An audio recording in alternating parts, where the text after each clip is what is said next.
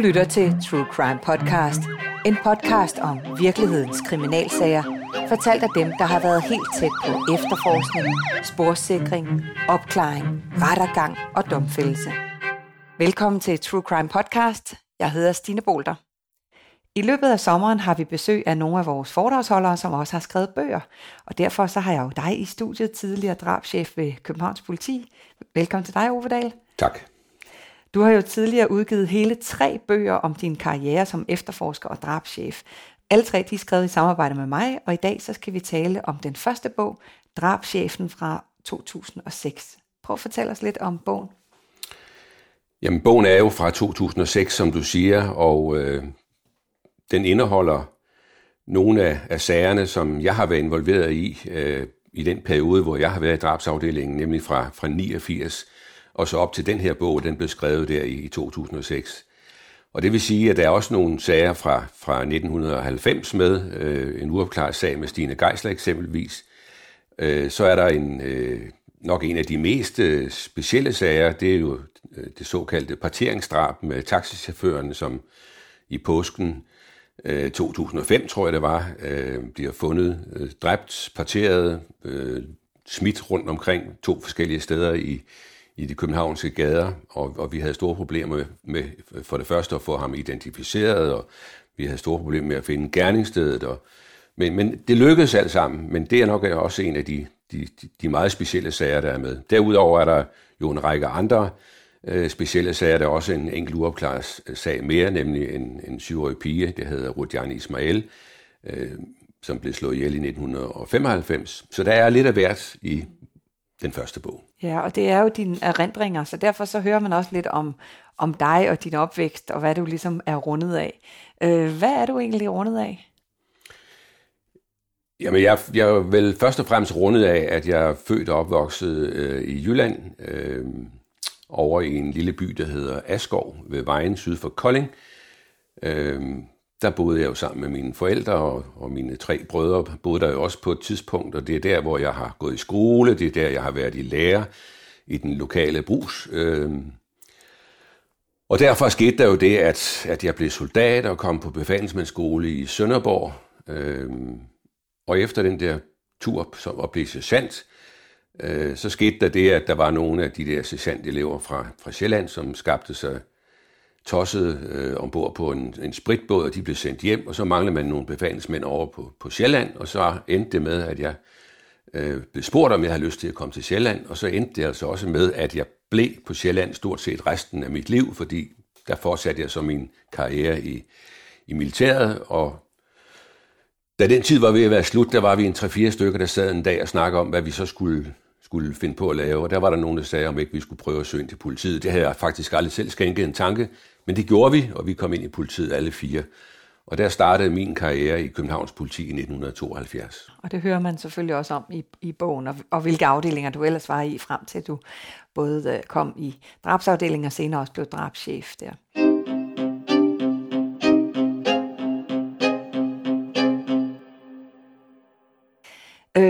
Jeg synes, vi skal høre lidt fra bogen. Den starter jo, som du selv lige var inde på, med en ret øh, spektakulær sag med fundet af noget helt særligt. Prøv lige at, at læse lidt op. Den lille mobiltelefon på hoften af drabschef Ove Dahl vibrerer insisterende. Jeg tror, vi har en lortesag, lyder det fra kriminalinspektør Carsten Holder, som er i den anden ende af røret. Og hvad mener du med det, svarer Ove Dahl roligt. Jo, vi har fundet nogle afrevne kropsdele, to ben og en arm. Det ser underligt ud, siger Holder. Et par timer før var det endnu tidlig formiddag. Datoen var den 26. marts 2005. Det var påske lørdag. Som de fleste andre havde Ove Dahl og hans samlever Birgit fri i påsken fra deres fælles arbejdsplads Politigården i København.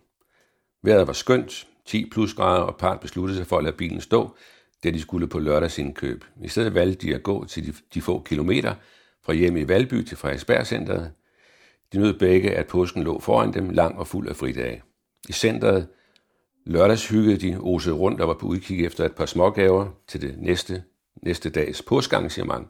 Så ringede mobiltelefonen. Ove Dahl er råd hele året, uanset om det er nat eller dag, hverdag, weekend eller helligdag.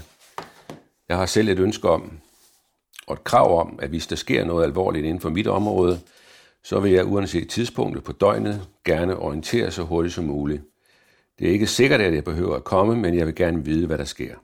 Det kan selvfølgelig også være, at jeg ikke er i stand til at komme, hvis jeg nu sidder halvfuld til en middag, men så må jeg jo afsted, når jeg kan. Jeg vil gerne være lidt på forkant med tingene og gerne være med til at træffe de afgørende beslutninger fra starten. Så kommer vi på rette spor, fortæller Ovedal. Derfor var der ingen tvivl i Carsten Holders sind om, at han skulle ringe til drabschefen, da han som kriminalpolitiets vagt denne søndag, undskyld, denne påske lørdag stod bøjet over nogle afskårende kropsdele, en arm og to ben, som var fundet i Klærkegade 25. En bestialsk hændelse havde tydelig, tydeligvis fundet sted, og det var en oplagt sag for Københavns politis drabsafdeling. Så snart opkald, opkaldet gik ind på telefonen, flød Ove Dahls tanker sig væk fra Frederiksbergcentret, Birgit gav Føtex fridag og påskefrokost. De kredsede kun om, hvad der måtte var sket i Klærkegade. Kunne ligdelene være noget affald fra et hospital, eller kunne de være stjålet, som det tidligere er sket fra Retsmedicinsk Institut. Men retsmedicineren på stedet havde allerede gjort sig de tanker og følgende konstateret, at disse ligedele var blevet skåret med en amatørs hånd, og det var der ikke mange, og det var ikke mange timer siden, at det var sket.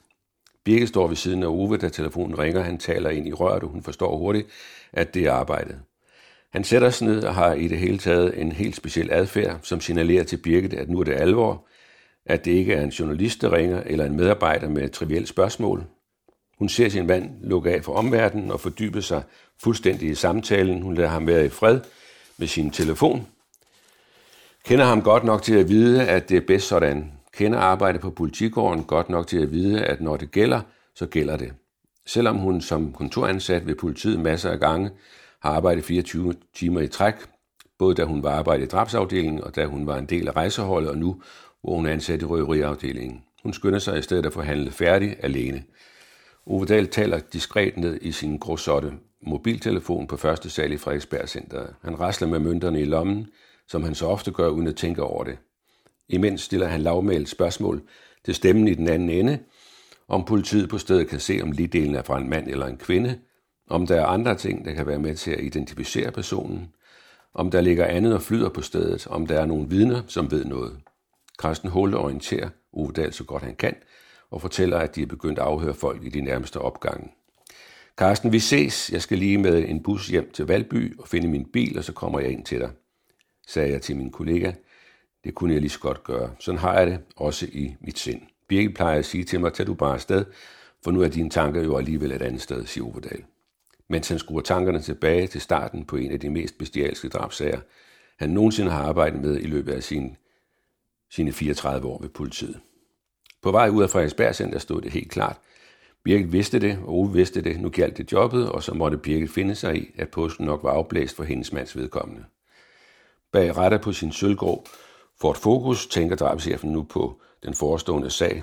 Hvad må der venter ham, når han når frem til det indre del af København, hvor er resten af den døde person? Er pressen allerede mødt op? Han parkerer sin bil i Adelgade i stykker fra afspæringen i Klærkegade, udveksler et par ord med hundeføren, som ankommer samtidig, og så går, og går så under den røde-hvide minestremmen med de velkendte ord politi.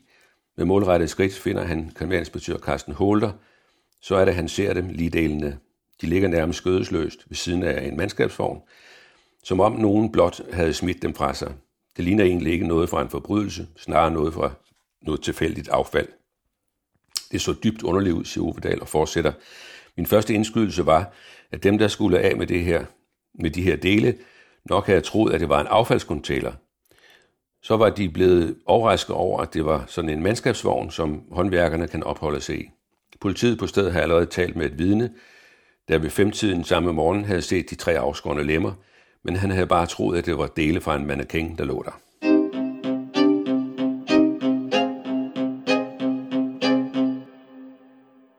Er en spændende sag, som jo endte med, at, øh, at ham i hvert fald tror, var gerningsmanden egentlig stak af fra Danmark og aldrig blev stillet for en dommer. Øh, men spændende øh, sag, jeg godt læst op, Ove. Den er jo skrevet i tredje person, det vil sige, at du læser om, op om dig selv i, øh, i, i, i vores lille podcast her. Men øh, det kan man jo ikke kalde en uopklaret sag rigtigt, kan man det? Eller hvad? Nej, for mig er den ikke, den, den er ikke uopklaret. Altså, den korte version var jo, at vi ret hurtigt fandt øh, gerningsstedet, og vi fandt ud af, at der var to personer, der havde boet i den der lejlighed, hvor drabet var begået, øh, og at de to personer havde mødtes med, med taxichaufføren, der blev slået ihjel. Det var en, ham, der blev kaldt amerikaneren, og så var det Jaguar. Øh, Amerikaneren han blev anholdt en 14 dage øh, senere, og han bekræftede, at han er været der, bekræftede også, at han har været med til at skære livet op, og bekræftede også, at han har været med til at, at fragte det rundt i byen, men han nægtede, det var ham, der havde begået drabet, det var Jaguar, der havde gjort det. Men Jaguar var jo altså flygtet øh, allerede kort efter drabet, var han flygtet ud af landet, og formentlig befinder han sig, hvis han lever, så befinder han sig formentlig nede i, i Sudan, og der har vi ikke nogen muligheder for at få ham udleveret fra. Nej. Okay. Men det kan man jo i hvert fald også læse om i bogen. Men øhm, som du lige kort var inde på før, så er der jo to sager i, øh, i bogen Drabschefen, som er uopklaret. Øh, Stine Geisler fra Pinsekarnevalet i 1990, og så en syvårig pige, der blev fundet dræbt og smidt i en lysskagt på Nørrebro.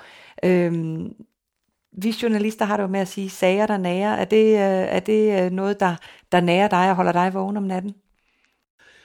I princippet er der, ikke, er der ikke nogen sager, der nærer mig, men det er sådan, at der er nogle sager, jeg husker øh, bedre end andre, og der er også nogle sager, jeg tænker mere på end andre, og det er klart, at en sag øh, som, som sagen mod, med, med Stine Geisler, der i 1990 øh, en 18-årig øh, pige, der blev fundet dræbt nede i en kælder under en krog, at, at øh, det var min tredje øh, drabsag, som efter jeg var kommet i drabsafdelingen der i 89, og, og den kom til at betyde rigtig meget for mig. Jeg kom til at arbejde med den i, i lang tid, i flere år, øh, uden at den øh, blev opklaret. Så det kostede selvfølgelig rigtig mange kræfter. Så det er indlysende, at, at lige præcis den sag, den, den vil jeg aldrig nogensinde glemme, og den vil jeg umådeligt gerne øh, have, at man, man fik opklaret.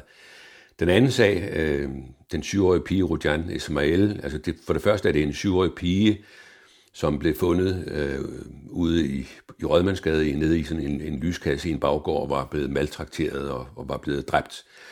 Øh, altså det er jo også et, en, en ligesom andre drabsager, er det selvfølgelig også en meget, meget, meget forfærdelig sag, øh, men her er det en, en helt uskyldig syvårig pige, det går ud over. Så den kom selvfølgelig også til at betyde øh, rigtig meget. Det skete jo, mens jeg var, jeg var souschef i drabsafdelingen, så den kom jeg selvfølgelig også til at få og have et vist øh, ansvar for. Men, men fælles for de to sager er altså, det ikke, det ikke lykkes. Øh, og, og en af grundene til, at, at det ikke er lykkedes øh, med begge sager, det er, at der desværre ikke blev fundet et eller andet teknisk spor, et teknisk bevis øh, i form af enten fingeraftryk eller DNA eller noget andet, som man med sikkerhed kunne knytte øh, en gerningsmand til selve gerningsstedet. Øh, så havde der været det, så tror jeg faktisk, at vi nok havde lykkes med den begge to. Mm, ja, okay. Men øh, Ove, det, øh, vi kan jo snakke om det i, i teamvis, men man kan jo købe bogen i diverse boghandlere, eller øh, hos os via True Crime Agency, hvor man jo også kan booke dig til et af dine mange spændende foredrag. Tusind tak, fordi du kom. Selv tak. Det var alt her for denne sommerpodcast. Du lyttede til True Crime Podcast, præsenteret af True Crime Agency. Jeg hedder Stine Bolter, og du kan læse meget mere om virkelighedens kriminalhistorie på truecrime.dk, hvor du også finder flere udgaver af True Crime Podcast.